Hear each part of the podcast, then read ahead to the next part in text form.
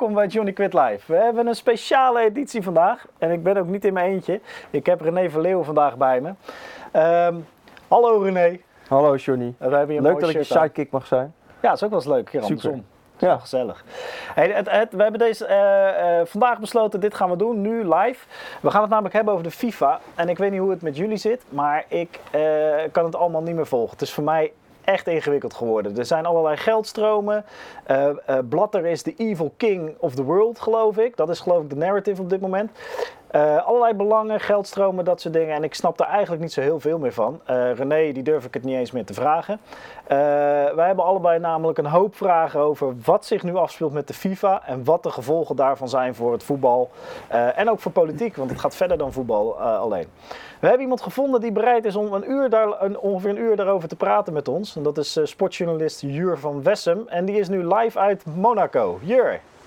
Ja, goedemiddag. Hallo. Ehm, gelijk voordat we beginnen, eh, als het goed is, we konden niks vinden, maar ben jij van onbesproken gedrag? Eh, geen eh, oliegeld in jou gestoken om propaganda te maken hier? Nee, nee, nee. Ik ben niet in Qatar geweest in mijn leven. Ook niet in een andere emiraat. Eh, en eh, nee, dat, is, dat geloof ik niet. Ik heb wel veel Italiaanse schandalen op proberen te lossen. Ja. Eh, Zo'n tien jaar geleden. En dat is me toen wel gelukt. Ah, Oké, nou dat, dat, dat staat in ieder geval goed op je cv. We zijn blij dat jij hier een uur de tijd voor wil nemen. Begin ik maar gelijk, gelijk even met de vraag die eh, iedereen bezighoudt op dit moment.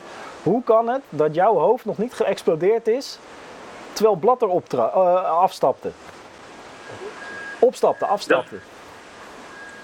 Nou, hij, hij, ehm, bij zijn aftreden, eh, ehm, ja, ik weet niet. Ik denk dat ik het, toch iets te ver eh, buiten de eh Hilversumse cirkels eh, ben. En dat is ook zo. Dus eh, dat zal wel de reden zijn. Daarom vind ik het wel leuk om bij jullie te zijn. Ja, ja, gezellig. Ja. Maar zag je het aankomen? Zag je het aankomen wat er ging gebeuren? Over wat er gisteren is gebeurd. Ja, dat hij toch ineens na die verkiezing, dat hij toch ineens opstapte. Ehm, nee, ik had wel een vermoeden dat er eh, iets vreemds aan de hand was. eh, maar dat hij zou aftreden, nee, daar heb ik echt, eh, dat, dat zeg ik heel eerlijk. Ik had om zes uur een afspraak en die heb ik niet afgezegd. Dus toen ik daarvan weer terug was om acht uur en mijn hele Twitter-account vol stroomde met vragen, dacht ik, oh jeetje, dit, is, dit kan niet waar zijn. En toen had ik het binnen drie minuten had ik begrepen dat het vrij snel gedaan was, dat de Blatter zich erbij neer had gelegd. Ja, het was een, En, het was een ja, vrij wat eh, daar- bloedeloze daar- executie, ja. Ja, nou, er was wel een aardig bericht om eh, drie uur s middags. En eh, ik ben dus uit de periferie van Hilversum. Dat betekent dat ik midden in de periferie in, in de Franse en de Italiaanse media zit. Ja. En er ging een aardig verhaal om drie uur s middags over Jérôme Valken, de, de algemeen secretaris van de FIFA en eigenlijk de rechterhand van Blatter, dat hij zou ontbreken bij de openingswedstrijd eh, van het WK Vrouwen, dat natuurlijk nu gaat beginnen. Dus hij kon niet naar Canada vliegen en eh, had als reden opgegeven: ja, ik heb nu zoveel te doen in eh, Zurich, ik kan niet weg. En wij hadden meteen verklaard: hij heeft dus geen directe vlucht kunnen vinden naar Montreal. Daarbij wordt hij in Montreal waarschijnlijk ook door de FBI in de kraag gepakt. Dus hij kan beter eh, meteen eh, eh, maar niet vertrekken. Nee, precies. En- Maar, maar hoe, hoe verhoudt eh, Jerome Valk zich tot eh, Blatter? Hoe zit die verhouding precies? Hij is eh, sinds 2009 de, de eh, algemeen secretaris, dus eh, ja, letterlijk de rechterhand. Ja. Oké. En het feit dat jij, dus om drie uur 's middags al merkte dat Jerome Valk zichzelf wat in iets wat in de nesten had gewerkt, waardoor hij dus niet op Amerikaanse grondbodem kon komen. Was dat voor jou niet aanleiding om te denken, dit is ook het einde van Blatter? Nee, dat, ja, achteraf is het, maar dat is natuurlijk altijd Ja, achteraf is Ja. makkelijk praten, ja. Maar Ja, ik dacht dat Jeroen Valken met een verklaring zou komen, een officiële verklaring waarom hij niet eh, eh, naar Canada zou gaan en dat hij dus een officiële reden zou geven. En eh, dat dan zou volgen het bericht, daar had ik wel rekening mee gehouden, dat Blatter ook niet naar Canada zou komen.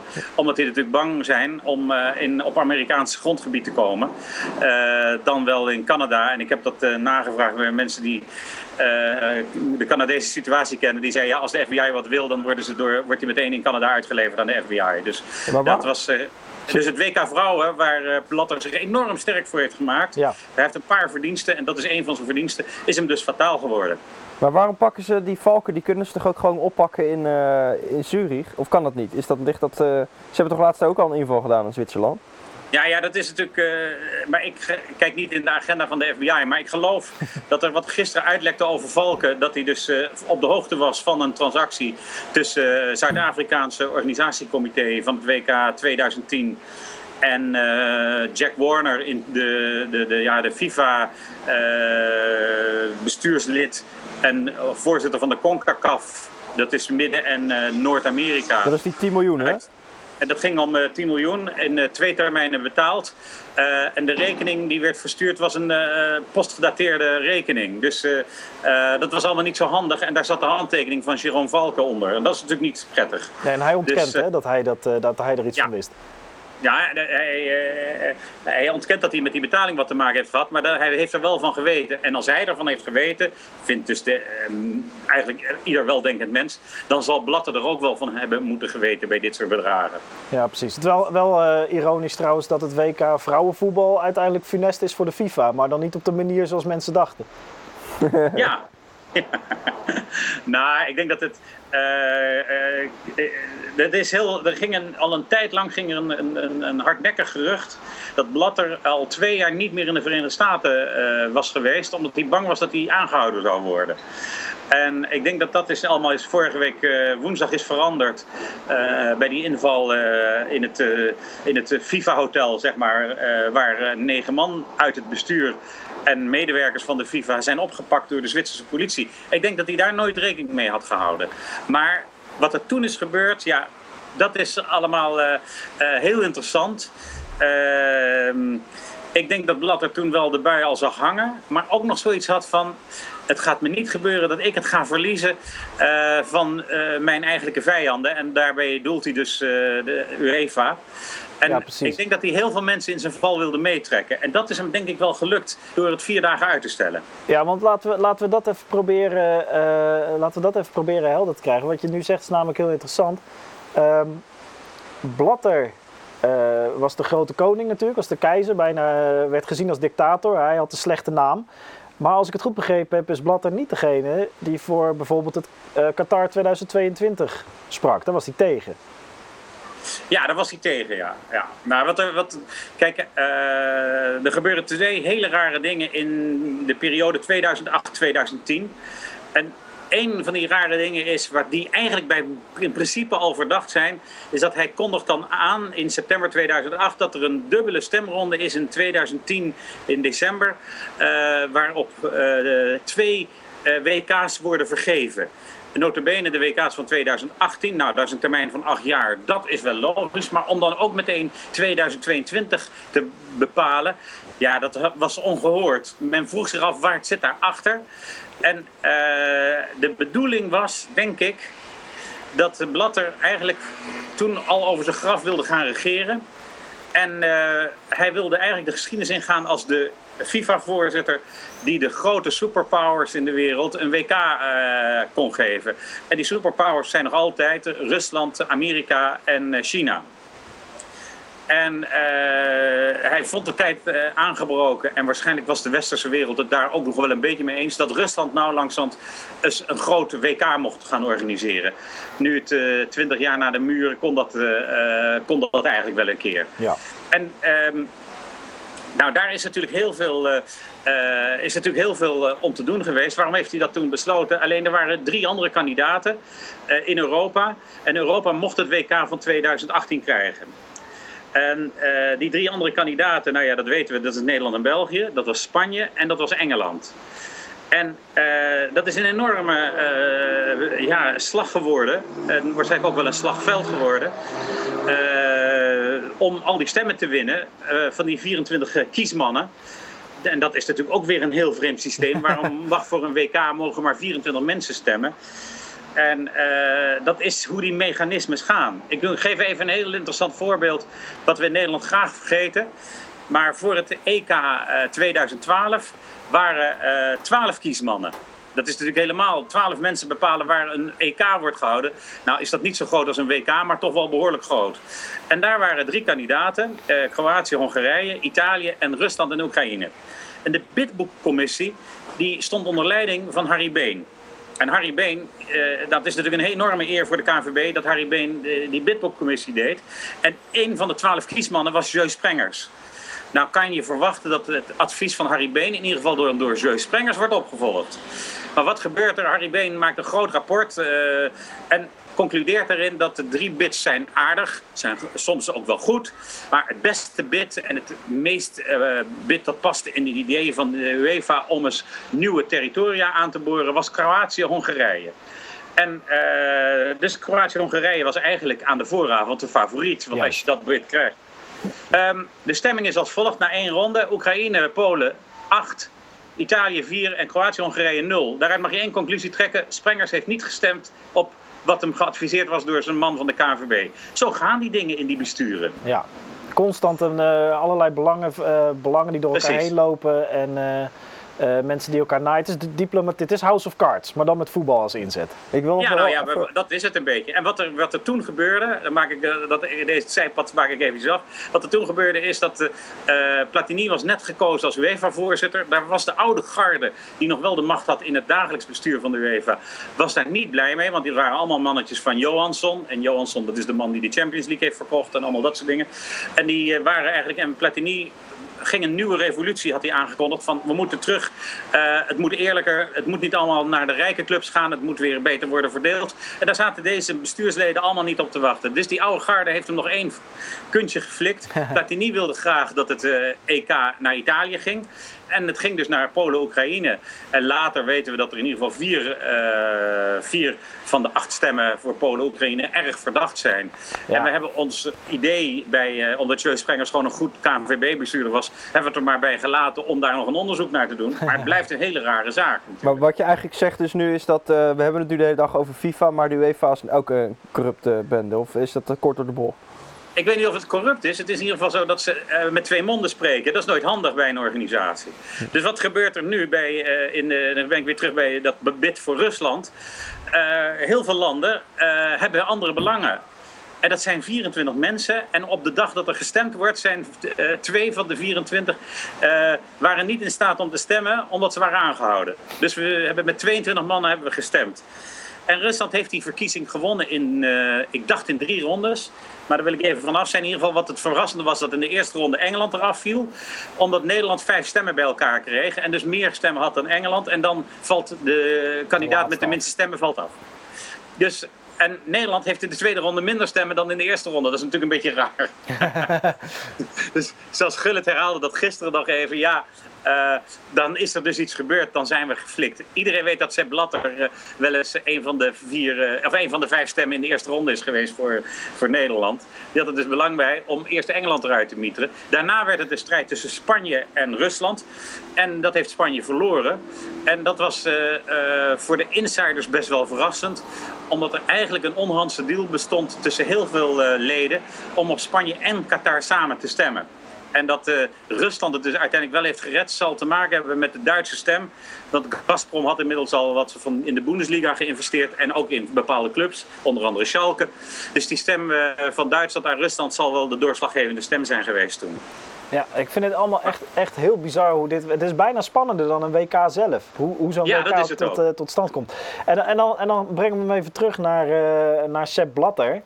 Uh, en Qatar, dan, dan, gaan we weer een WK verder. Je zei net dat het al bijzonder was dat Qatar werd toegewezen uh, in een dubbele stemronde. Dus Rusland 2018, Qatar 2022. Terwijl Qatar natuurlijk ook pas vier jaar later gestemd had kunnen worden. Precies. En jij zegt, uh, Blatter die wilde waarschijnlijk de geschiedenisboeken ingaan als de, uh, de, de, de FIFA-voorzitter, de FIFA-president, die de drie grootmachten achter elkaar een WK geeft. Ehm, dat betekent twee dingen. Het Qatar is geworden, dus Blatter heeft zijn belofte niet waar kunnen maken. Ik neem aan dat hij Amerika ook beloofd heeft dat hij dat ging doen. Hij heeft Obama persoonlijk beloofd, ja. Hier, daar kun je gaan. En dat betekent, want 2026 is nog niet toegewezen, of wel? Nee, dat is niet toegewezen. En dat de... zou dus China moeten worden? Ja, dat zou dus voor Blatter China moeten worden. Maar daar zal ongetwijfeld dan de UEFA, die toch een beetje in de rol van de UEFA Platini, die dan toch constant een machtsspelletje speelt met Blatter. Um, gaat het dus wellicht niet China worden. Je zal waarschijnlijk nee, het wordt zeker. Het wordt zeker geen China. En daaruit kan je concluderen dat de stem van uh, Blatter nooit naar Qatar kon gaan. Omdat het niet nooit twee keer in hetzelfde continent is. In Azië is Qatar en Azië is China. Dus dat kon nooit.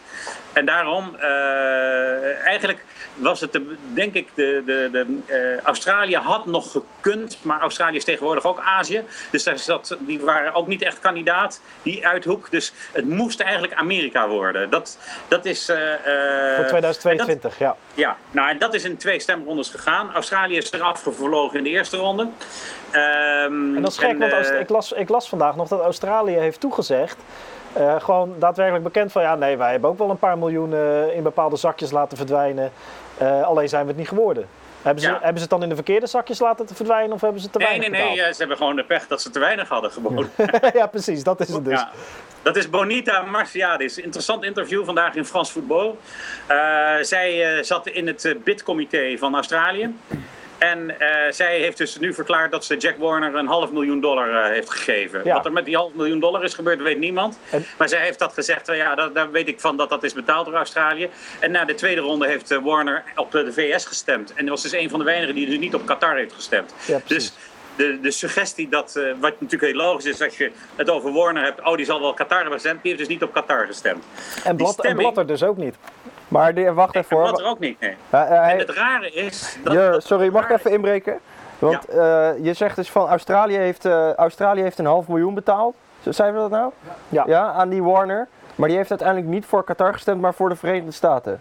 Ja, omdat Australië er al uit lag. Ja, maar dan heeft de ja. VS waarschijnlijk, of is dat, hebben die dan ook gewoon betaald, de VS? Nee, ik denk dat die, dat die uh, ik denk dat, dus er worden ook privé-machtspelletjes onderling uitgevochten. En Warner was een vriend van Blatter en Blatter is natuurlijk Amerika, dus uh, uh, zo is dat toen gegaan. Laten we even voor de mensen, even om een beeld te krijgen van wie Jack Warner is.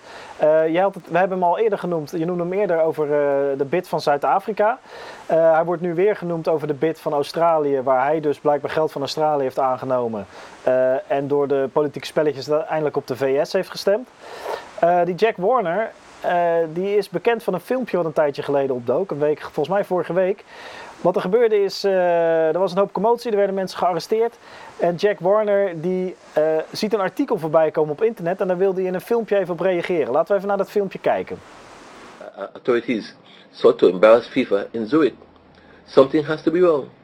I made the point to you over and over that all this thing has stemmed from the failed US bid to host the World Cup has been reelected for a fifth consecutive term.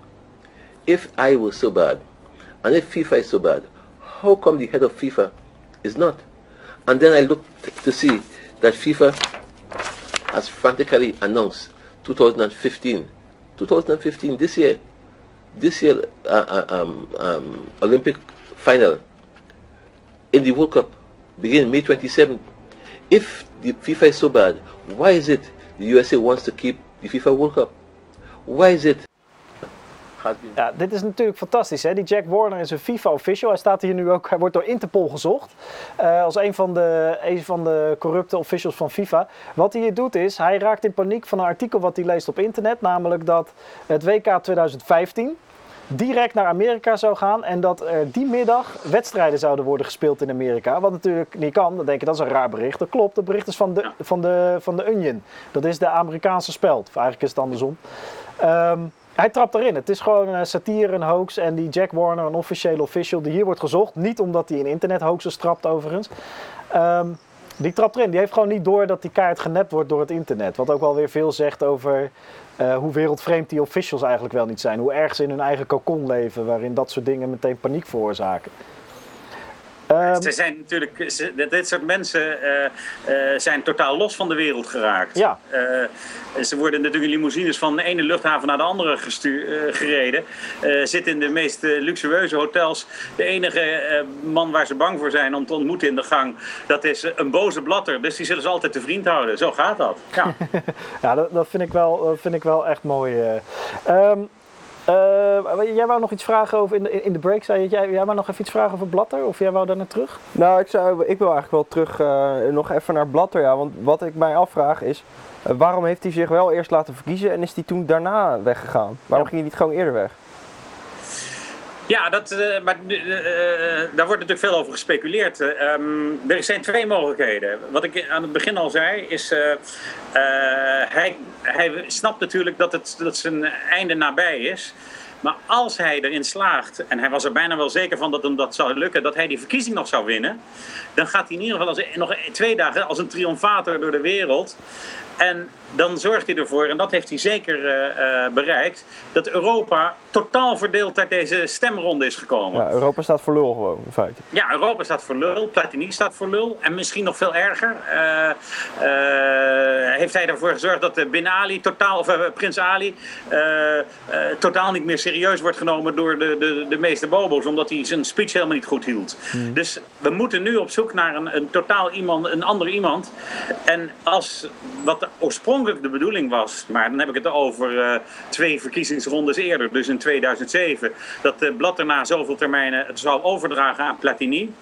Ja, dat, dat, dat, daar is geen sprake meer van. Want dat had hij gewoon geruisloos kunnen doen de afgelopen vier jaar. Het is een beetje stuitend dat uh, uh, er net wordt gedaan alsof Platini op het laatste moment uh, Blatter heeft gevraagd om af te treden. Dat heeft hij al vier jaar gevraagd. Het is zo dat in 2011, en dat is eigenlijk heel pijnlijk achteraf, heeft Europa op advies van Platini eh, massaal gestemd op Blatter. Op voorwaarde dat hij dan ook aan zijn laatste termijn zou beginnen. En toen is er gezegd, nou weet je wat, dan gunnen we hem nog een laatste termijn. Dan kan hij zijn karwei afmaken in, de, uh, in het jargon van Lubbers. En dan uh, is het in 2015, kunnen we het overnemen als Europa. Het is een beetje een Frank Underwood... Uh tactiek uh, voor ja, dat is heel erg. Zijn heel maar, ja, wat, wat jij dus zegt is, uh, wat jij, zoals jij het interpreteert, is dit gewoon Blatter die toch nog die verkiezingen nog even wint, meepakt en daarmee iedereen in zijn val meetrekt. En uh, ja. met name dat, die hele machtsstrijd die blijkbaar al jaren woedt tussen Platini en Blatter, die heeft Blatter gewonnen, ondanks het feit dat hij nu moet aftreden. Ja, want ik denk dat het heel, het zal voor mij heel vreemd overkomen als Platini nu zomaar uh, voorzitter wordt.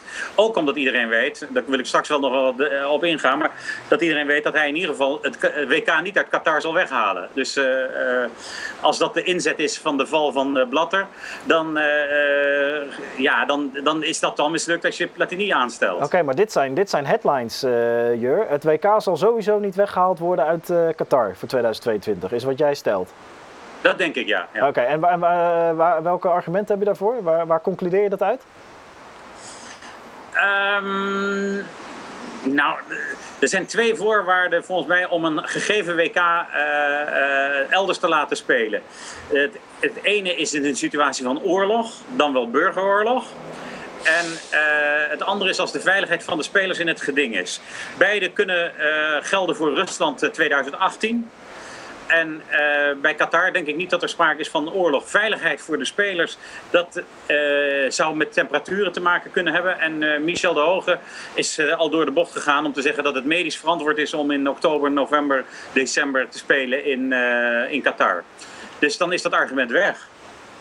Als ze Blatter wilde, en dat is wel interessant, Um, Blatter wilde het WK weghalen uit Qatar. Daar was hij enorm, want hij is eigenlijk baalde enorm dat hem dit was overkomen. Dat hij een belofte aan Obama niet gestand kon doen. Uh, maar hij is dus, uh, uh, daar kom ik straks wel op terug, hij is eigenlijk in de maling genomen door wat hij dacht zijn vriendjes toen dat WK nu eenmaal in Qatar was, ja, toen zijn er twee dingen gebeurd die eigenlijk niet kunnen. Het bidboek is aangepast na de verkiezing. Namelijk het tijdstip van spelen uh, is anders komen te liggen. En moet je nagaan, Australië zou het liefst in de zomer spelen. Oftewel in, voor hun in uh, november tot januari. Ja, precies. En uh, die moesten het in hun winter organiseren. En die hebben natuurlijk nooit die aanpassing kunnen maken in hun project. Dus als nee. Qatar het opeens op een ander tijdstip doet, ja, daar is, heel veel, daar is heel veel om te doen geweest. Ja, maar dus als je dit dan zegt, dan zeg je van nou Blatter, zeggen we allemaal, was de keizer. Grote bobo, maar eigenlijk is hij zelf ook genept door ze, wat hij dacht vrienden. Ja, ja. Nou, dat wil ik wel eventjes uitleggen, omdat ja. dat uh, zo ondoorzichtig is dat bijna niemand het nog goed begrijpt. En zelfs uh, Kees Jansma, die het wel van de hoed en de wand re, uh, weet en ook en denk ik een idee heeft dat, hoe het zit. Uh, hoe het is de afgelopen dagen is gegaan. Die zei dat gisteren en toen opeens kwam even hier met een opmerking van ja, maar dat is allemaal speculeren. Nee, er zijn een paar dingen zijn feitelijk bekend. Uh, die verkiezing die we, waar we het dus over hebben bij Qatar is in 2022, wordt in december 2010. Zorgt natuurlijk voor een enorme sensatie dat Qatar het wint. Ik denk Ik heb nog nooit de beeld gekocht, maar ik geloof dat ik die dag de beeld kocht, omdat daarop stond: het voetbal gaat kapot. En dat is voor een francofiel nogal heftig, hè, de beeld kopen. Ja. maar ga door. Ja, dat doe je alleen na een eh, verloren WK-finale. En daar zijn er helaas te weinig van. Maar goed. En, uh, en, maar dat vond ik zo goed. Het voetbal in de Wüste en das, uh, des Spiels of zoiets stond er op die kop. En die, uh, dat was algemeen was de stemming van hoe kan het in hemelsnaam. Rusland, daar kon je nog over denken van ja, nou ja, het is goed dat er eens een keer in Rusland een, een, een WK wordt gehouden. Maar Qatar was natuurlijk, daar was nog niet, er waren maar twee stadions. Hoe wil je daar nou een WK gaan houden? Um, iedereen is zich dus gaan afvragen hoe komt het dat dat, dat land uh, die verkiezing heeft gewonnen. Nou, er waren 22 kiesmannen. Twee waren uh, gearresteerd, weet wel. Twee waren dus al gearresteerd. Uh, en die 22 kiesmannen die stemmen in een tweede ronde 14 voor Qatar, 8 voor Amerika. En nou ja, na jaren van goed en gedegen onderzoek bij uh, de Gazette dello Sport, bij France Football, zeg maar de iets serieuzere voetbaljournalistiek, uh, is de volgende verdeling eruit gekomen, die later ook bevestigd is uh, door iedereen. Qatar kreeg de stemmen onder andere van Argentinië, Brazilië, Spanje, Frankrijk en Mexico. En ehm, even denken. en Cyprus. Die competities die zijn allemaal opgekocht in die landen door Al Jazeera. Oh, Al Jazeera ja. is tegenwoordig beIN Sport. Maar uh, er zijn toen heel veel beloftes gegaan. En dat is zonder dat er mensen zich persoonlijk aan hebben verrijkt. Zijn competities die bijna failliet waren gered door spectaculaire televisiecontracten. En uh, daar zat een belang bij om die, om die stemmen te winnen. Daarbij waren, uh, is, ja, waren bepaalde oude FIFA-dinosaurussen uit die landen waren ook wel bereid om dat te doen. Maar ook Platini en Villar in Spanje hebben toen gestemd op Qatar.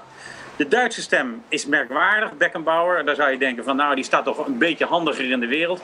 Beckenbauer is gezwicht omdat Qatar heeft toegezegd dat een groot deel van de stadions kan worden gebouwd door Franse en Duitse bedrijven. Juist.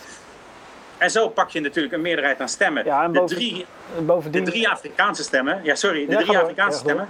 Cameroen, Ivoorkust en Egypte zijn, eh, dat weten we door eh, de, het uh, bidboekcommissaris uh, uh, Fedra Amalziet. Een, een vrouw om te onthouden die een zeer belangrijke rol bij het FBI-onderzoek heeft gespeeld. En zeker in het rapport Garcia uh, regelmatig aan het woord komt. En waar uh, in, het, in de samenvatting niet uit is geciteerd. Dat was natuurlijk heel verdacht toen. Die Fedra heeft dus gezegd dat die drie stemmen waren ook al zeker gesteld. Door uh, dat de stadions uit Qatar dan aan Afrikaanse landen werden door gegeven. Oftewel, die worden weer afgebroken en dan opnieuw opgebouwd. Waarschijnlijk dan zonder Indische arbeiders Ja. of Pakistani. Maar die worden dan weer opgebouwd in, uh, in andere woestijngebieden in de Sahara dan. Juist. Want daar hebben ze heel hard stadions nodig, dat klopt. Ja, nou ja, het is altijd handig om dat soort stadions te hebben, toch? Precies. Maar je, hebt, je zegt dan, uh, nou, ze kopen gewoon de, de Franse stem en de, de Spaanse stem door contracten aan te bieden, stadion bouwen, noem het allemaal maar op. En dan heb je bijvoorbeeld zaterdag uh, Barcelona-Juventus. Ja, Barça is ook half gekocht door uh, Qatar, geloof ik. Ja. Is dat dan ook niet een beetje hypocriet dat wij hier met z'n allen zitten te haten op Qatar, maar zaterdag wel op de banken staan voor Messi en uh, Suarez, noem het maar op?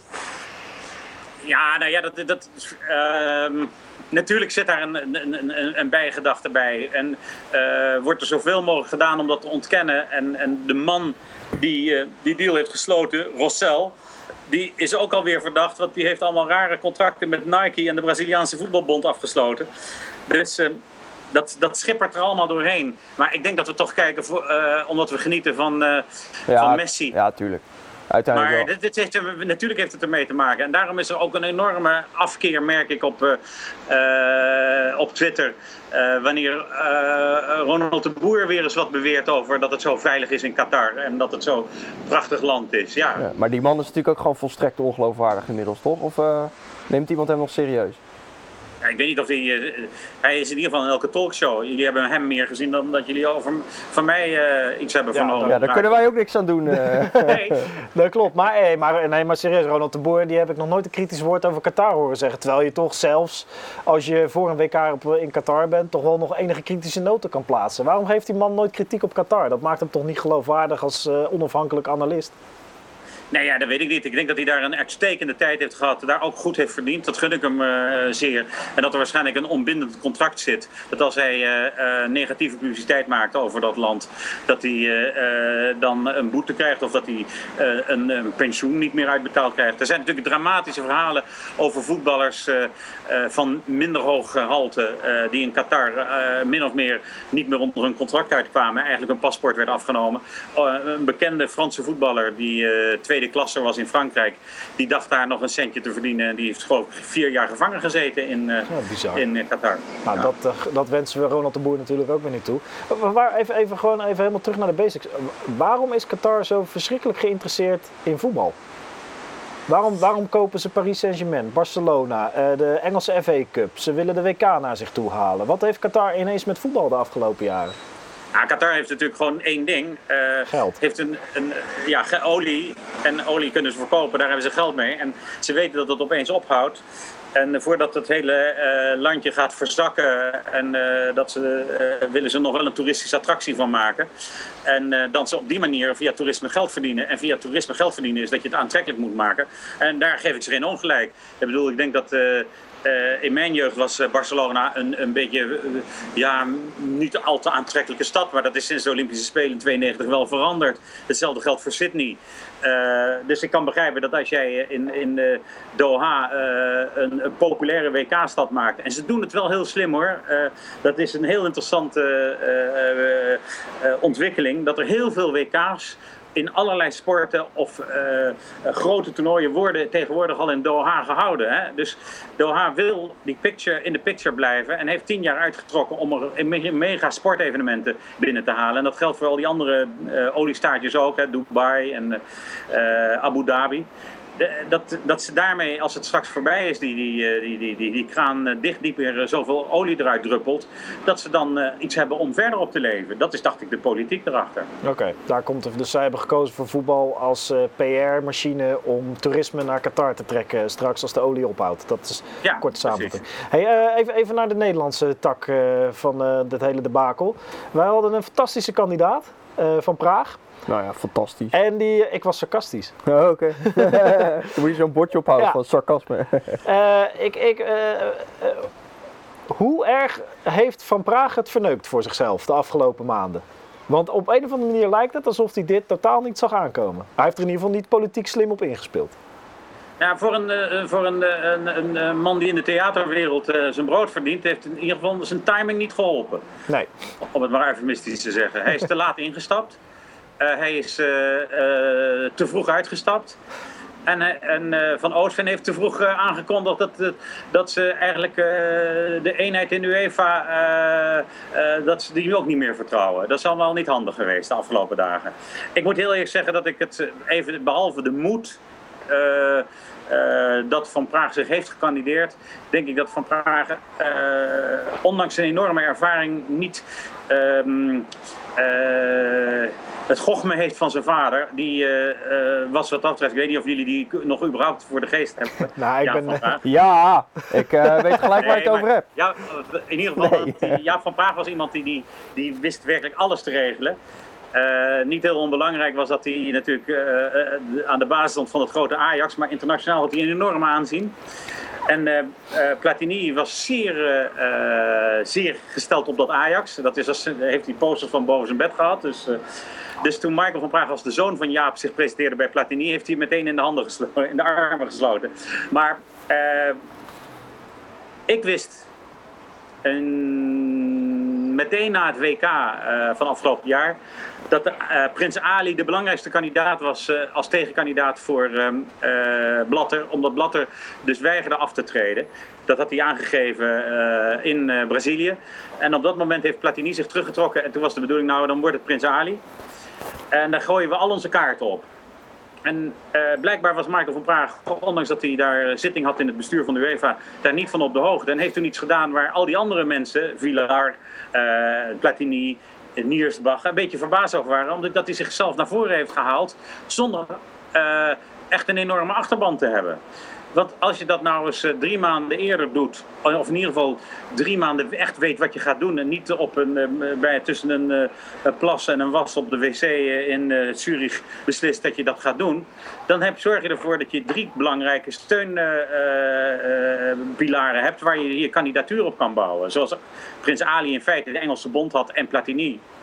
En ja, waarom die nooit met Gullit, met Van Basten, maar zelfs uh, Cruijff was zijn beste vriend in zijn jeugd, geloof ik. Uh, dat hij niet via Cruijff even contact heeft gezocht met Guardiola. Of dat via Cruijff niet even een link is gelegd met Messi. Dan had Van Praag een echte kandidatuur gehad. Kun je nagaan als je kandideert in het, uh, in het Amstelhotel in Nederland voor de internationale pers. En je laat daar Gullit, Cruijff en één grote buitenlandse oude ster, uh, desnoods Platini, laat je daar zitten. Dan heb je je kandidatuur gesteld. Hij deed het een beetje heel onhandig met de KNVB-televisie en allemaal dat soort dingen. Dus dat, maar ja, is, dat, dat is, dat, niet... is, dat, is dat domheid of zelfoverschatting? Nee. Ja, uh, veel mensen uh, hebben mij uh, de, oh, benadrukt dat het meer ijdelheid is. Maar, dat kan ook nog, ja. ja. Maar dan, dan, vraagt ook een kijker via Twitter, Rick Klein, die zegt van... maakt hij nu nog kans? Van Praag? Uh, om het, uh, gaat hij zich überhaupt nog verkiesbaar stellen? Um, dat denk ik niet. Dat denk ik niet. En als hij dit doet, uh, dan moet hij zeker zijn dat hij veel mensen buiten Europa ook achter zich heeft staan. Als hij dat niet heeft. Kijk, er was een onthullend artikel natuurlijk. Uh, in de Volkskrant dat hij, uh, geloof ik, op een, uh, in, de, in, de, lobbyruimte bij het Afrikaans congres meneer Mr. De Heek werd genoemd. Dat is natuurlijk niet zo handig, hè? Nee, nee. schiet niet op. Nee, en ik denk dat Van Praag. Ik, ik, moet heel eerlijk zeggen dat, dat, dat, hij, dat hij zijn terugtrekken begrijp ik wel. Maar dat was eigenlijk ook al heel logisch en voorspelbaar. Dat, dat, in, dat hij als hij in februari begint, dat hij in mei zou terugtreden voor Prins Ali. Ik denk dat hij vier stemmen heeft gewonnen in die periode. Uh, dus dat, dat, dat, dat uiteindelijk Prins Ali op 73 stemmen uitkomt, terwijl hij er zelf 60 had, dat zou nog best kunnen kloppen. Maar, um, en dan krijgt hij die stemmen van Figo erbij. Dus heeft Figo er ook 7 gewonnen of iets. Ja, maar, dus dat gaat eigenlijk gewoon nergens over. Het is eigenlijk meer gewoon puur om campagne te kunnen voeren en uh, wat te kunnen laten horen van uh, dat die Blatter geen goede optie was. Wat nou ja, kijk, hij heeft, twee, hij heeft twee fouten gemaakt die hem internationaal snel hebben uitgeschakeld, denk ik. L'Equipe en Gazetta namen hem sowieso niet serieus na het congres van de UEFA. Hmm. Omdat hij uh, allereerst natuurlijk had aangeboden dat Blatter zijn adviseur moest worden. Daar werd een beetje om gegniffeld van zo krijgen we nooit een revolutie. Ja. En, um, uh, en hij had de... Uh, hij had voor één termijn gekozen. Dat is natuurlijk ook niet handig. Dus dan, was hij, dan had hij al bijvoorbeeld voor zichzelf al de rol van tussenpauze genomen. En tussenpauzen die worden meestal niet gekozen. Die worden uh, ergens neergezet en voor het blok gezet om even vier jaar te regeren. Ja, dus uh, ja, en ik denk dat, dat het, wat ik wel grappig vind, dat is dan een vingerwijzing, dat vandaag in de L'Equipe staat, uh, dus de belangrijke en goed ingevoerde Franse krant, dat uh, Van Praag werd vandaag omschreven als een goede vriend van Platini. En dat verbaasde mij wel een beetje, want volgens mij was Platini niet gelukkig dat Van Praag zich gekandideerd heeft. En dat zou betekenen dat als er wel een vergadering is, al is die dan misschien in het geheim of tussen uh, twee borreltafels in, dat Platini misschien van Praag zou vragen van nou, probeer het dit keer wel, want ik wil bij de UEFA blijven. Nou, nou ik, ik, wat je een paar minuten geleden zei over Van Praag, waar je eigenlijk mee begon, dat vond ik wel interessant, is als hij het nog een keer zou willen doen, al dan niet op voorspraak van Platini, is dat hij veel stemmen buiten Europa moet halen. Uh, bedoel je daarmee te zeggen dat wat betreft de FIFA en uh, het voetbal in deze wereld, dat Europa voorlopig uh, buitenspel staat? Nee, uh, maar er is een enorme afkeer tegen, tegen Europa. En ik denk dat een heleboel lidstaten van de FIFA, zeker in Azië, zeker in, in Afrika en ook in Latijns-Amerika, zitten niet, zijn, zitten niet zo, zijn niet zo pro-Amerika en pro-Europa. Daar kan ik me ook wel iets bij voorstellen. En, en het is een groot machtsblok ja, binnen de nou FIFA. Ja, dat, ja, nou ja, kijk, er is natuurlijk, de, ik hoor Arno Vermeulen dan altijd een beetje gniffelend zeggen van ja, het is toch belachelijk dat die ene stem van de Cayman-eilanden net zoveel waard is als uh, één stem voor Duitsland. En dat kunnen we ook zo vinden. Maar ja, dat is volgens mij in de Verenigde Naties hetzelfde. Dat is nou eenmaal, uh, uh, maak dan een commissie van twintig toplanden op basis van gewonnen wereldtitels G20, en dat soort dingen. Ja. En, en, dat is iets, en dat is iets wat Blatter nog heeft geregeld, toch? Het feit dat uh, voetbal mondialer is geworden, dat andere kleine landen eh, eh, ook macht hebben gekregen binnen de FIFA en inspraak. Eh, dat is, dat Ja. komt uit de, uit de koker van Blatter, dacht ik. Ja, dat komt allemaal. Kijk, eh, ik, ik moet eerlijk zeggen, als ik de tijd van Blatter zou eh, typeren in sporttermen, dan was die eh 20 jaar een Federer en 20 jaar een Armstrong. dus ja, hij heeft natuurlijk de eerste 20 jaar waren fantastisch wat hij heeft gedaan. En er zijn echt heel veel mensen die deugen, die positief over hem praten. En niet alleen van eh, je kan een goede borrel met hem drinken en hij is innemend en hij vindt mijn vrouw zo leuk. Dat vind ik allemaal niet zo interessant. Wat Blatter heeft gedaan, of we daar nou blij mee moeten zijn in de westerse wereld of niet, dat is dat hij de, het voetbal heeft gemondialiseerd. En de eerste keer dat ik eh, iets merkte van hé, hey, het voetbal wordt moderner, was in de zomer van 77 dat er een jeugd-WK werd gehouden in Tunesië. Dat werd totaal, dat kwam, eh, werd groot over bericht in Frans voetbal. Maar in Nederland wisten we daar helemaal niks van. Want we dachten van ja, dat is een, wat is dat voor project? Maar dat heette het FIFA Coca-Cola eh, World Cup Under 21. En dat soort dingen, dat heeft hij gewoon met het binnenhalen van Coca-Cola als sponsor voor de eerste tien jaar van de grond gekregen. Het tweede WK was al een sensatie, want toen was de tiener Maradona de held eh, in Japan. En volle stadions in Japan. En wij, dat ging- ontging West-Europa een beetje. En Blatter had dat En, wel door. En Blatter had dat echt door. En Blatter heeft met Havelange een enorme goede, eh, eh, ja, enorme goede band opgebouwd. Maar ook eh Havelange had natuurlijk wel door dat het in de andere wereld noodzakelijk was. Kijk, eh, Sir Stanley Rouse geeft het WK aan Argentinië in 78. Daar kun je eh Havelange en Blatter niet kwalijk nemen. Maar toen het er eenmaal was, hebben ze ervoor gezorgd dat er kleurentelevisie kwam in, dat, in die dictatuur. Dat is allemaal niet zo slecht natuurlijk, toch? Nee, precies. Alleen vind ik dat je natuurlijk. eh, en dat wil ik wel even benadrukken, want dat wordt vaak vergeten. Er was één voetballer in 78 die naar de dwaze moeders ging en alle publiciteit op de dwaze moeders haalde. Dat was Michel Platini. Ja, ja. Ik was dus een moedige voetballer toen. Oké, ik, ik wil heel even inbreken. Ik zie iemand eh, hier in de, de YouTube-chat die we ondertussen ook hebben lopen, zie ik Ja. zeggen, eh, vraag voor jou. Juriaan, wat vind je van het feit dat de Duitse Bond van Praag gaat steunen? Dit is zojuist bekendgemaakt door Niersbach, de voorzitter van de DFB. Eh, gevraagd door Mark de Jong. Ja, nou. ehm, Dit, dit, is, dit, dit, wist jij waarschijnlijk ook niet, dus ik zet Nee, je een beetje voor het blok. Nee, nee, dat verbaast me niks. Als van, ik denk dat er, wat ik, wat ik net dus zei, als Platini zegt van, van Praag, eh, doe het, dan kan Van Praag het nu als tussenpauze worden natuurlijk. En dan is hij ook echt een tussenpauze. En dan heeft hij met Niersbach heeft hij dus een hele goeie. Om er even na te gaan, Niersbach heeft niet Prins Ali gestemd. Wat hij wel heeft gestemd, weten we niet. Eh, er zijn drie blanco. stemmen geweest, Ja. afgelopen vrijdag. En eh, hij zou een van de drie zijn volgens de echte insiders. Maar hij heeft in ieder geval niet Prins Ali gestemd, dat weten we wel. En of die Blatter heeft gestemd, ja, het lijkt me logisch. Maar ja, er zijn toch eh, drie van die mensen geweest van die 209 landen... die dat stemformulier niet hebben, goed hebben En ingevuld. zo moeilijk was het niet, want er waren maar twee vakjes om in te kruisen. Ja. Dus Nou ja, misschien vier vakjes waarvan drie voor Blatter, dat weet ik niet. ja, dat zou ook nog eh, kunnen. Ja. Ja, maar een andere theorie die ik ergens op internet voorbij zag komen was, eh want hoe heet die, Blatter heeft natuurlijk nu door die verkiezing eerst te winnen en pas daarna weg te gaan, ook een paar maanden de tijd voor zichzelf gekocht. Dus hij kan natuurlijk nu ook gewoon zijn eigen opvolger uitkiezen. En ja, En eh, binnen, ja. ik bedoel, Blatter is weg, maar waarom zouden dan al die landen die eerst op Blatter stemden dan nu ineens niet meer interesse hebben in goede deeltjes met dan de opvolger van Blatter? Ik bedoel, waarom zou de FIFA nu ineens eh, het baken van eh, transparantie en democratie en eerlijkheid worden? Dus dat is dan alweer een andere theorie, dat Blatter gewoon nu maanden de tijd heeft om, om zijn eigen opvolger te regelen. Ja, nee, dat is ook zo. Dat, dat, dat, is, dat eerste punt is heel interessant. Volgens mij is het zo dat als je weggaat eh, bij een organisatie, je vertrek af, eh, aankondigt, dat je dan in ieder geval eh, zelf terugtreedt en een interim voorzitter Ja, dat is niet gebeurd. Ja. En dat is niet gebeurd. Daarbij heeft hij geen termijn genoemd. Ja, een paar maanden. En dat kan. Hij vond eh 17 jaar vond hij al weinig, dus dat kan ook 12 maanden worden. Hè? Dat Nou, gaat New- heel snel. New, York Times, New York Times die schreef dat eh, sowieso gewoon qua protocol dat er minimaal, eh, geloof vier maanden eh, moet zitten tussen de aankondiging en de daadwerkelijke presidentsverkiezing. Dus hij zit er Ja. sowieso nog tot ongeveer december 2015, januari 2016. Op zijn Ja, minst. nou, dat, en dat heeft hij waarschijnlijk overwogen donderdagavond. eh, toen hij dus is blijven zitten en Platini vroeg om terug te treden. Want dat was te laat, zei hij toen. ja. Nou, ja, bizar. maar En, eh, dat is, en dan dan was eh, eh, Prins Ali was voorzitter geworden. Ik denk dat als Prins Ali het cadeau had gekregen, dat het dan wel bij Michael van Praag een enorme vloek was geweest. Want die had graag natuurlijk in de arena gestaan tegen Prins Ali bij die verkiezing. Ja, precies. Dan dat maak je al wel meer kans. Ja, nee, goed. nou, die theorie, die theorie, om daarop terug te komen, die theorie is wel heel, heel handig. Want er is één man, zijn naam heb ik niet helemaal, al-Shalalala of zoiets, maar uit, uit Kuwait.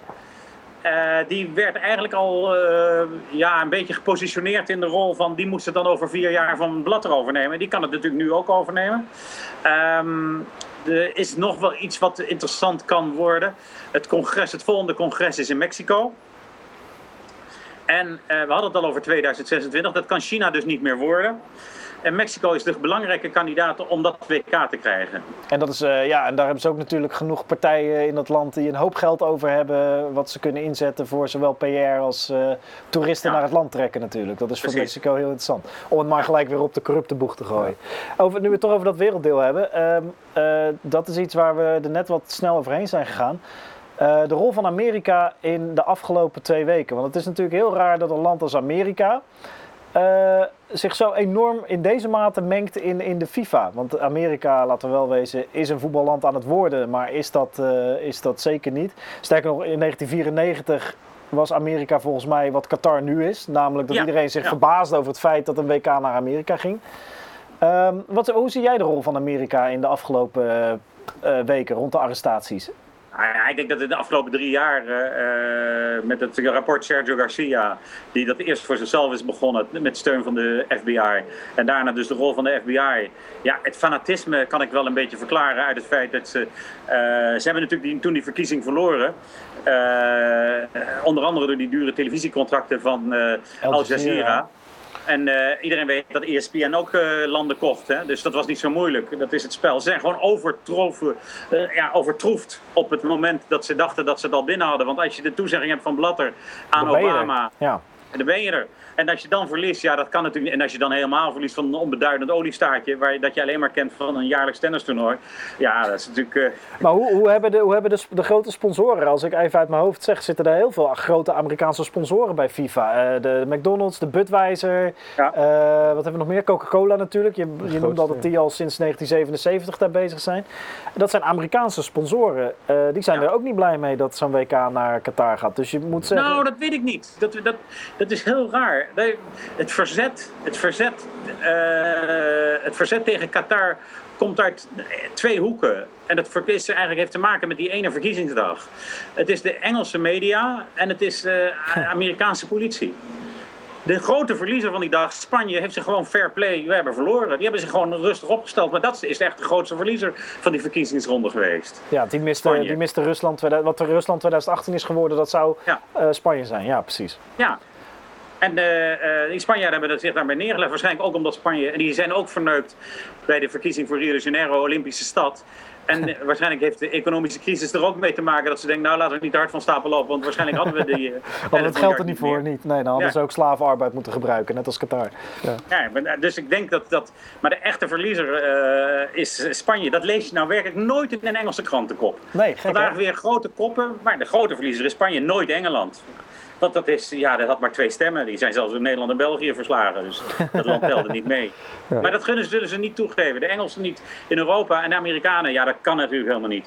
Nou, wat is er gebeurd? Die, dat die onderzoeken, eh, die hebben ertoe geleid dat, dat, dat er een erg fanatisme is gekomen. Wat natuurlijk, eh, de man die, eh, die die nederlaag in zijn schoenen geschoven kreeg, was Chuck Blazer. Want die had natuurlijk nog, daar zijn fantastische foto's van op internet te vinden. Dat hij tussen de Clinton staat, dat hij Michelle Obama nog op beide wangen zoent. Het was een, een, een foeilelijke, irritante, veel te imposante, dikke man. Eh, die de baas was van het Amerikaanse voetbal. Die een hoofdrol speelde met Jack Warner in de CONCACAF. Die altijd Jack de Gold Warner. Cup. Ja, nou ja, die altijd de Gold Cup binnenhaalde. Hè. Zeg maar het, het EK van Noord- en Midden-Amerika binnenhaalde in, eh, in Amerika. Dat is volgens mij de afgelopen 20 jaar 15 keer daar georganiseerd. Eh, de Gold Cup. En dan had je ook nog de, eh, dat, dat Amerika altijd deelnam als eh, eh, uitgenodigde club op de Copa America. En dat, daar, die, die man was de spin in het web. Was een van de belangrijkste handlangers, denk ik, van Blatter. In ieder geval eh, was dat zo tijdens de organisatie van het WK 94. Ja, we zien hem hier achter Ja. mij ook trouwens. Ja, nou ja, hij had een eh, penthouse in Trump Tower. Dat kan niet iedereen zich veroorloven. En hij had nog een etage voor zijn katten. Ja. Zo'n man dus. Ja, die ook een geld zat. penthouse en, katten. Maar hij ziet er ook uit als de kerstman, hè? dus eh wie Nee, weet heeft hij hij onbekende inkomsten. Coca-Cola. We zien wel waarom. Nee, Ja. dat is zeker waar. Ik heb nog een kijkersvraag. Ja, we hebben nog een kijkersvraag Zal ik voor even je. een kijkersvraag doen? Erik Lee eh, vraagt, zegt, eh, vraag AUB nog even wat hij denkt van de mogelijke kandidatuur van Chung Mong-jung, de voormalige vicepresident van de FIFA. Klopt dit überhaupt of eh, word ik hier in de maling genomen door Ik heb het ook eh, ergens kijker? gelezen op een site, een Aziatische site, Ja, dat hij denk zich dat- misschien... dat- dat- Er zijn natuurlijk heel veel mensen die nu eh, opstaan. Eh, die waarschijnlijk hebben gewacht. En vriendjes ook van Blatter, die hebben gewacht. eh, totdat dat er een, een vacuüm kwam. En dan kunnen we erin springen. Wat dat betreft was de timing van Van Praag dan niet helemaal handig om het dan eh, te doen. Maar niemand heeft er rekening mee gehouden, dus dat kan je hem niet kwalijk nemen. Dit is een man die eh, eh, zeker een serieuze kandidaat is. Want ik denk dat die volgende FIFA-president toch buiten de UEFA moet worden gezocht. Ja. En dan, ja, en Zuid-Korea is natuurlijk ook niet. is natuurlijk ook economisch wel een handig land om te paaien als FIFA. Ehm, dus dat, dat, ik, sluit, dat, ik sluit dit soort kandidaten eh, zijn niet kansloos meteen. Niet, niet gelijk kansloos, ja. En als ik dan eh, nog even door mag pakken, want je had het net over dat Blatter vroeger wel degelijk het eh, voetbal gemoderniseerd heeft en zo. Maar ik wil dan even ook naar de toekomst toe als voetbalfan, weet je wel. Kijk, waar ik me het meest aan irriteerde aan de FIFA altijd, was dat ze bijvoorbeeld video-arbiters tegenhouden of buitenspel dingen of doellijntechnologie en zo. Dat dat allemaal, allemaal zo moeilijk was, weet je wel. Gaat dat nou nog, kan dat een keer gaan veranderen nu Blatter, Blatter weg is? Of is dat deel van de dat er revolutie? Nee, nee, oké, dat zijn de, de, beter, be- eh, de beter bewaarde geheimen binnen de FIFA. Kijk, nou komt het, nou Ja. komt het. Kijk, nu, nu krijg je weer een nieuwtje waarvan ik denk het is merkwaardig dat dat blijft zweven. Als er, over één ding heeft de FIFA-voorzitter bijna niets te zeggen, namelijk één achtste deel in de stemming. Eh, en dat is eh, de spelregels. Dat, de spelregels, eh, ehm, eh, dat is een spelregelcommissie, bestaat uit acht man. En van die acht man eh, zijn er vier uit eh, het Verenigd Koninkrijk. Oftewel eh, ja, eh, de, de, de, de, Britse bejaarden noemen wij die altijd. En die houden die spelregels altijd tegen, die hervormingen. Dat komt dus, en Blatter heeft, het, heeft voor cameratoezicht gestemd en dat werd toen afgestemd. En dan dat die commissie, de FIFA moet uitvoeren wat die commissie beslist, moet dat gewoon intern veranderen. Eerst moeten die Britten daar weg, is eigenlijk de algemene mening. Maar wie, wie, kan, wie, wie haalt die acht mannen? Wie beslist dan wie daarin zitten, hoe ze weggaan, wanneer ze weggaan? Wie gaat daar dan weer over? Ja, dat is de- de F1 die kiest er een, de Schotse bond, eh, de, de, de Welsh bond en de, de, de Noord-Ierse bond, die Oké, allemaal vertegenwoordiger. daarin. Even dat ik het goed begrijp. We hebben dus één achtste stem voor de FIFA-voorzitter, maar net zo goed heeft de, de voetbalbond van fucking Wales heeft één achtste stem in de inzage van, van de spelregel, spelregel, spelregelwijzigingen wereldwijd. Ja. Ja. Dat hebben de Engelsen bedongen toen eh, in, eh, ik denk in 1928, eh, Ja, eh, ze lid werden van de FIFA. Toen ze nog relevant waren, zeg maar. Maar wat dus ook nu wel grappig is, is dat ik nu binnen drie kwartier eh, weet dat Blatters, Blad, ik zeg het steeds Blatter, Blatter, dat Blatter tegen Qatar heeft gestemd eh, en voor cameratoezicht. En dat hij ook nog een heleboel goede dingen heeft gedaan voor het voetbal. Dus eigenlijk Blatter, kom terug. Of eh, Ja. ga ik nou weer tekort door? Al- al- Als we nu zouden stemmen, zouden wij op basis van dit gesprek Ja. zeggen: we stemmen op Sepp Blatter. Wegkijker! Eh, maar die, eh, nee, maar dat is wel, ik vind dat wel interessant. Want, wel, eh, nou, laat ik het zo zeggen. Als we er even nog een Godwin tegenaan gooien. Eh, eh, wij zeggen nu, nou, die Blatter komt er nog best positief uit als je het zo allemaal bekijkt. En hij is vooral het slachtoffer van eh, machtspelletjes, waar hij zelf ook aan meedoet. Ehm, maar is, is Blatter dan een soort, een soort Hitler die ook snelwegen aanlegde? Ja, of is hij beter dan met- dat? Met dieren. Nee. ik vind de vergelijking met Hitler, die is de laatste weken iets te vaak gemaakt. Ja, ja, ja, ja, ja, daarom is hij ook zo makkelijk om in te koppen. Ehm, nee, kijk, we- oké, over even een paar korte puntjes over Blatter waar hij goed in was. Nou, hij wat hij van de grond heeft gekregen is dat hij een internationale voetbalagenda heeft gemaakt, waar ook Australië wat aan heeft. Waar ook ik weet niet, Qatar het dan WK voor clubs. Het WK voor clubs, ja, dat is natuurlijk voor ons een aanfluiting, want de Champions League is het belangrijkste. En toch ben ik zelf van mening dat dat de Champions League een eh, kwalificatietoernooi is voor het WK voor clubs. Dus eh, eh, en als Zuid-Amerika wint, dan doen we net, ja, we vinden het niet zo'n interessante beker. Maar eh, natuurlijk is dat voor Afrikaanse clubs is dat fantastisch. Dat een club uit eh, eh, Nigeria ook wereldkampioen zou kunnen worden. Nou ja, sowieso, sowieso. Want ik kan me nog herinneren toen ik een klein jongetje was en op de middelbare school zat, dat we allemaal het tussenuur gebruikten om Ajax te kijken in de World Cup. Tegen, ik weet niet Ja. meer tegen wie ze toen, te- tegen Argentijnse Ja, of Braziliaanse? Tegen Gremio. Tegen Gremio. Ja, precies. Ik weet nog dat we dat live hebben gekeken. Dus dan, dan ineens telt het wel, zeg maar. Dus dat is ook maar een, eh, eh, eh, het perspectief van op dat moment geldt natuurlijk. Ja, nou ja. En het, het tweede is dat dat, eh, dat nou ja, goed, dat heeft Blatter heeft dat eh, eh, gemondialiseerd, want het was eerst alleen maar Zuid-Amerika tegen Europa. Wat hij goed heeft gedaan is het vrouwen-WK echt commercieel van de grond gekregen. Natuurlijk door het te geven aan Amerika een paar keer. Ja. En die, die, die, die, die, misschien kun je je dat nog wel herinneren, dat, dat, die, nou ben ik een naam kwijt, maar dat was een, de, die maakte, de meisje maakte de winnende penalty. En die doet de shirt uit en heeft dus de sport BH van Mia Nike op de wereld gezet. Ja. Mia Hem was dat. Nee, dat was niet meer hem. Dat was een ander. Chen, Oh. die Chen die nog wat. Maar goed. Maar dat is natuurlijk een beeld. Ja, precies. Ja, dat, krijgen we allemaal niet uit ons hoofd. Dat staat mij meer bij dan de, de omhaal van Van Basten tegen Den Bos. Nou ja, Maar- als dat zo is, dan heeft, daar heeft Blatter dus ook voor gezorgd. Blatter Ja. is niet... eh, en misschien was het niet alleen Blatter, maar het hele uh, apparatchiek van om Blatter heen. Eh, hij heeft ervoor gezorgd dat het WK in vier continenten is geweest waar het eigenlijk nooit zou zijn gekomen. Dus behalve Amerika, waar hij dus een voorstander voor was. eh, Japan en Zuid-Korea. Ja. Zuid-Korea had het beste bid, maar hij vond dat Japan, en zeker vanwege de sponsors, dat Japan het moest zijn. En toen heeft hij in een speciale vergadering eh, de Koreanen zover gekregen dat ze met Japan samen een WK gingen organiseren. Dat is de hand van Blatter geweest. Nou ja, dit is, als, Eh. om het zo te horen, is Blatter gewoon de natte droom van GroenLinks. Hij, is, eh, hij, hij, hij maakt het mondiaal, hij betrekt vrouwen erbij. Eh, je begon al in 77 dat, dat de jeugdtoernooien interessanter Ja. maakte. Eh, eh, dus wat dat De er gaat. Confederations Cup is ook zo'n toernooi van hem. Ja, precies. Dat zijn allemaal... eh, allemaal Nou, dat waren de eerste 20 jaar. Daarin was hij zeg maar Federer. En in de tweede 20 jaar was hij Armstrong. Daar ging het toch erg, eh, Ging erg om eh, verdeel en heers. Ja, en wie, wie, gaat hem, eh, wie gaat hem opvolgen, denk jij? Wordt het Cantona? Wordt het Figo? Nou, ik noemde gisteren een paar namen op Twitter. om te zeggen, het moet natuurlijk iemand zijn die er eigenlijk die onbesmet en toch wel erin kan gaan. hè. Ja. Figo vind ik een leuke. Figo heeft moed. En dat moet je wel hebben.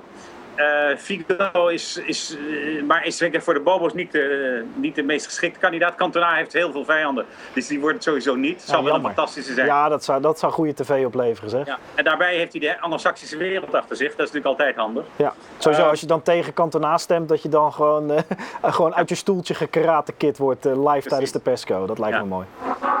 En eh, Zico vind ik een interessante. Maar het kunnen natuurlijk ook weer gewoon bobo's worden. Zoals, eh, eh, eh, nou ja, we noemden net die Koreaan, die, die, die man uit uh, Kuwait.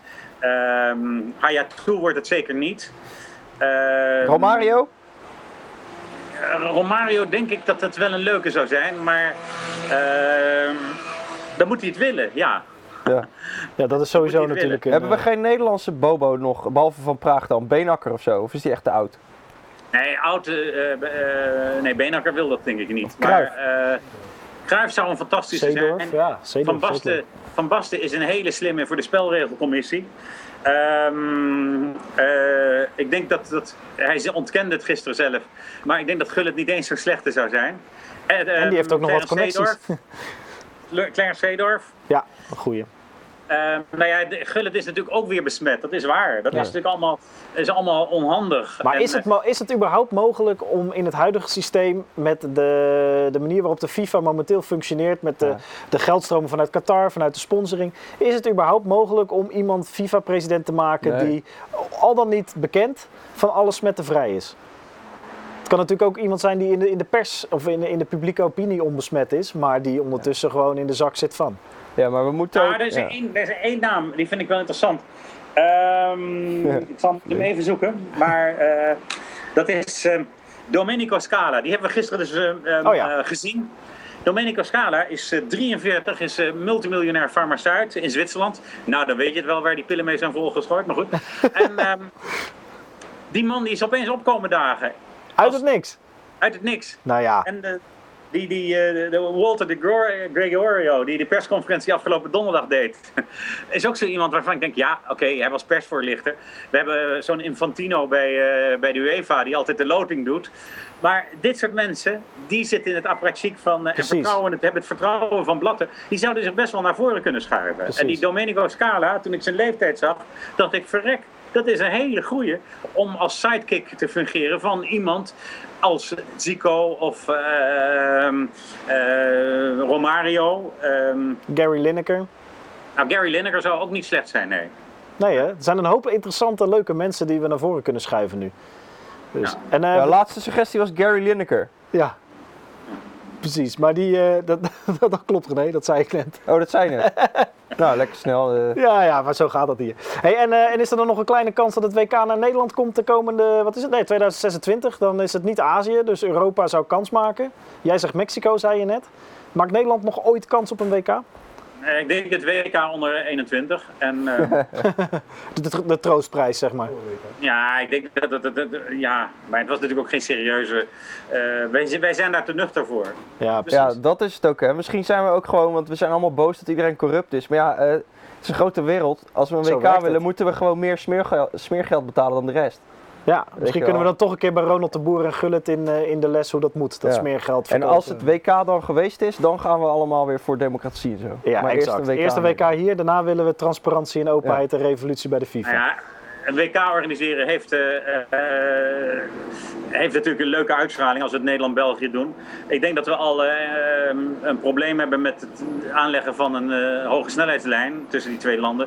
dus ik zou daar maar niet aan beginnen. Nee. Dat, eh, ik moet heel eerlijk zeggen dat een land als Italië al niet meer zich kandideert voor een WK. Dat zegt eigenlijk al voldoende. Dit is een megaproject. En wat Van Praag wilde, eh, wat ik nooit heb begrepen, als een van de weinige dingen om het WK uit te breiden naar 48 landen, ja jongens, dan zijn we klaar. Dan hoeft het dus niet meer. Nee, dat was zijn manier om stemmen te winnen. En dat, ik geloof dat hij alleen de stem van Suriname ermee heeft gewonnen. Nou ja, die telt ook gewoon als net zoveel als die van Duitsland. Dat is ook zo. Heb ik vandaag geleerd. Hey Jurian, ik, vind het, eh, ik zou hier nog zeker een uur of twee over door kunnen praten. Misschien eh, gaan we dat ooit wel doen. Ja. Ehm, maar is, voordat we gaan afronden, is er, is er nog iets eh, waarvan jij zegt, dat zijn jullie vergeten te vragen. en Nou. dit, is, dit moet echt even nog in het voetlicht gebracht Ja, we willen worden. natuurlijk weten wie gaat er winnen eh, zaterdag. Juve of Barça? Ik zeg Juve. Nou, dan zeg ik dat ook. Nee. Ehm, eh, Barcelona-Juventus doet me enorm denken aan eh, een legendarische wedstrijd in 1982, Brazilië-Italië. Dat heb, dit heb ik, ja, dat klopt. Ja. Dat, zou- volgens mij dacht ik ook gelijk aan, eh, direct. Ik denk dat de, hele wereld is eigenlijk wel voor Barcelona. Zeker na die fantastische goal van Messi van afgelopen week. Ehm, er is ook iets wat me zegt dat Barcelona dat gewoon heel dik moet winnen. Maar ik heb het geluk gehad dat ik eh, Juventus een paar keer heb gezien eh, in, in dit jaar. Onder andere dat ze tegen Monaco speelden. En eh, toen vond ik ze dus helemaal niet goed. Toen verdienen ze het ook niet. Dat over manipuleren en scheidsrechters en allemaal dat soort dingen, dat speelt dan daar ook weer een rol mee. maar zoals ze hebben gespeeld bij Dortmund en bij Real Madrid, ja, dan heb je toch te maken met een ploeg die ergens het wel eens zou kunnen winnen. En voor Buffon en Pirlo is het het laatste kunstje. ja. Zou mooi zijn, toch? Zou altijd kunnen. En Berlijn, en laat ik dat heel eerlijk zeggen, Berlijn is natuurlijk een Italiaans stadion na eh, het, eh, het WK-finale 2006. Dus eigenlijk zijn de aardstralen zijn wel positief voor de Italianen. Aardstralen zegt Italië.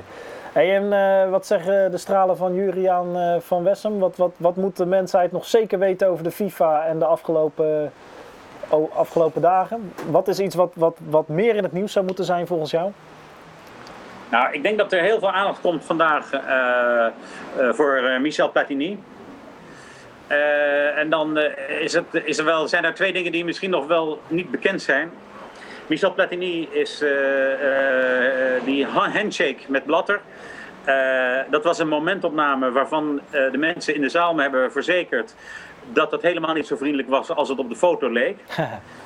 Maar er moet wel iets bij worden verteld wat bijna niemand heeft benoemd uit de piëteit. Eh, maar ook zijn vijanden niet het hebben gebruikt als van, oh ja, verlichtende suggestie. Ehm, twee weken geleden is de moeder van Platini overleden en op de begrafenis van Platini was Blatter. Dus Die twee kennen elkaar beter dan. Ja, die twee kennen elkaar gewoon heel goed. Ja. Nou was dat, eh, en daar was ook een eh Noël Le Grat. Noël Le Grat is de man geweest die eh, namens Frankrijk tegen Platini op uh, Blatter heeft gestemd. En uh, daar was heel veel om te doen. Nou, die stem die is gekregen dankzij het WK Vrouwen, dat uh, drie weken geleden uit de handen van Zuid-Korea naar Frankrijk is gegaan. Dus, Weer allemaal van die spelletjes, ja. Ja, zo, en, en dat was natuurlijk een onhandigheid, een handigheid. En Legrat heeft tijdens, uh, nou ja, hoe noem je dat, in ieder geval na de begrafenis heeft hij heel kort met Platini gesproken en hem daar uitgelegd dat hij toch van plan was om op Blatter te stemmen. En uh, toen heeft Platini dus uh, donderdag nog eens een keer aan Legrat gevraagd van doe dat nou niet, want je zet mij voor aap. En toen heeft Legrat uiteindelijk besloten, na die een beetje nutteloze speech die in ieder geval uh, een betere voorbereiding verdiende van uh, Prins Ali om uiteindelijk toch op Blatter te stemmen. En ik denk dat het zo ook is gegaan met Niersbach. En ik denk dat het zo met meer mensen uit Europa is gegaan van die Prins Ali is het ook niet. Laten we dan maar Blatter tolereren en van binnenuit een revolutie uh, veroorzaken. Of hopen op de FBI. Misschien hebben heel veel mensen dat ook gestemd op Blatter omdat ze wisten nou Dit over gaat een niet week lang is meer het duren. Ja. Het gaat niet lang meer duren, maar die Prins Ali moeten we niet hebben voor vier jaar. Nee, precies. En is dit uiteindelijk voor de meeste belangen de meest gunstige uitkomst, inclusief Blatter zelf. Um, ik weet in ieder geval één ding wel na dit gesprek, dat uh, totdat House of Cards seizoen 4 uh, uh, wordt gepubliceerd, ik voorlopig de FIFA ga volgen. Want er gebeuren hier een hoop dingen voor en achter de schermen. Ik ga je ook zeker volgen op Twitter. Mm -hmm. Volgens mij, als ik het goed zeg, is dat apenstaart, ook oh, bij hem kwijt, apenstaart at Jur van Wessem, dubbel R, dubbel S. Ja? Precies, ja. Hey, en uh, Dank je. hartstikke bedankt voor je, voor je tijd hier zo. Ik ben blij dat je met ons hierover wou praten. En uh, wellicht zien we je in de nabije toekomst nog een keer als, we, als de FIFA weer in het nieuws is.